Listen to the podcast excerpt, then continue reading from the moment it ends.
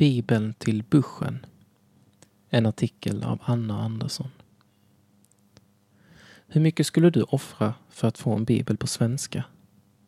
Familjen Hector flyttade tusen mil för att ge det etiopiska Samako-folket bibeln på deras eget språk. Med förväntansfulla steg går jag mot platsen där jag ska möta upp bibelöversättarna Fredrik och Karsan Hector. Jag känner nervöst efter en extra gång så att bibeln ligger kvar i tygkassen. Det är ju ändå personer som arbetar med den hela dagarna som jag ska samtala med under den kommande timmen. Snart rullar bilen in på parkeringen och paret småspringer så fort tvååriga dottern Nicoleas tempo tillåter för att fly undan regnet som just börjat falla. Nicolea är ett utav tre barn i en till synes vanlig familj som lever ett allt annat än vanligt liv. Om det bara kunde regna så här ofta i Gisma, utbrister kassan medan hon sätter sig ner och stryker några droppar från dotterns panna. Från scratch. Gisma är namnet på den lilla halvökenbyn i norra Etiopien där familjen Hector bor och arbetar med att översätta Nya testamentet till Tsamako-folket. Förutom att lära sig ett helt nytt språk och översätta Nya testamentets 180 000 ord tillkommer ännu en utmaning. De behöver uppfinna skriftspråket. Tidigare har Tsamako nämligen lärts ut genom muntlig tradition. Arbetet tar lång tid och kräver nära kontakt med lokalbefolkningen. Hur går bibelöversättningen till?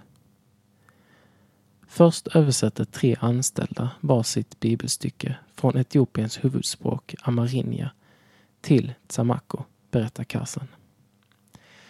De ger sedan respons till varandra och skriver ett första utkast för respektive stycke. Under tiden har jag som är teolog analyserat grundtexten, fyller Fredrik i. Tillsammans diskuterar vi sedan vilka begrepp på tsamako som motsvarar grundtextens ord. Här krävs tålamod och kreativitet. Särskilt när det gäller att beskriva något i Bibelns värld som inte förekommer ute i halvöknen. Hur beskriver man till exempel en stormande Genesarets sjö när det närmaste som finns är lite pölar efter ett häftigt regn? Tålamodsprövande väntan. För att se till att texten förstås på rätt sätt sammankallas sedan en referensgrupp bestående av lokala och kyrkliga representanter.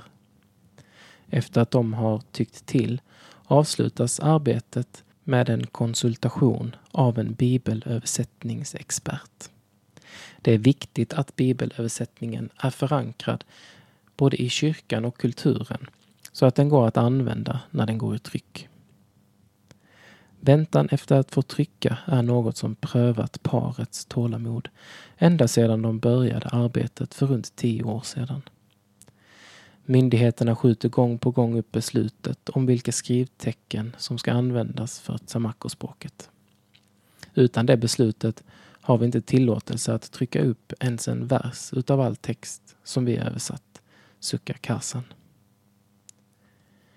Längtan efter mer Bibelöversättningen har trots detta kunnat göra skillnad.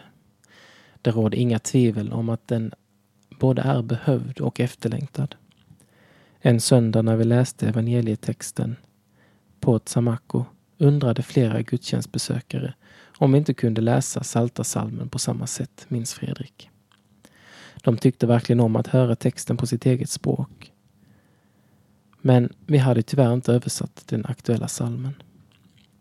Dessutom har vi kunnat använda vår översättning av Lukas evangeliet till att dubba en Jesusfilm till ett Samako, inflikar kassan.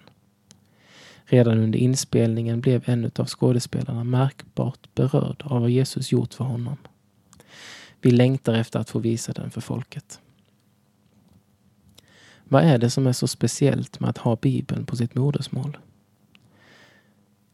Vi tror att Gud vill tala till oss på vårt hjärtespråk, svarar Fredrik. Att Bibeln finns på ens eget språk gör dessutom att personer som inte mött budskapet tidigare förstår att kristendomen inte är utlänningarnas religion, utan gäller även dem. Förutom det bevaras också ett minoritetsspråk som annars skulle ha dött ut, fortsätter kassan. Språket går inte att separera från folkets identitet och kultur. Om språket försvann skulle det redan marginaliserade stamfolket fullkomligt ryckas upp med rötterna. Värdefull väckarklocka. Formuleringen ringer kvar i huvudet när intervjun avslutas och familjen lämnar rummet med en rastlös Nicolia i spetsen. Paret berättade att de är tacksamma för möjligheten att bo i ett annat land och att det är fascinerande hur bibeltexten får nya djup när den bryts mot en främmande kultur. Ändå måste det kännas lite som att de ryckts upp med rötterna. De har offrat något för det som är ännu viktigare. Tacksamheten växer inombords över de människor som offrat bekvämlighet, tid och pengar för att jag ska kunna bära runt en svensk bibel i min tygkasse. Det är en värdefull möjlighet som jag vill utmana både mig själv och dig som läser att ta vara på ännu bättre.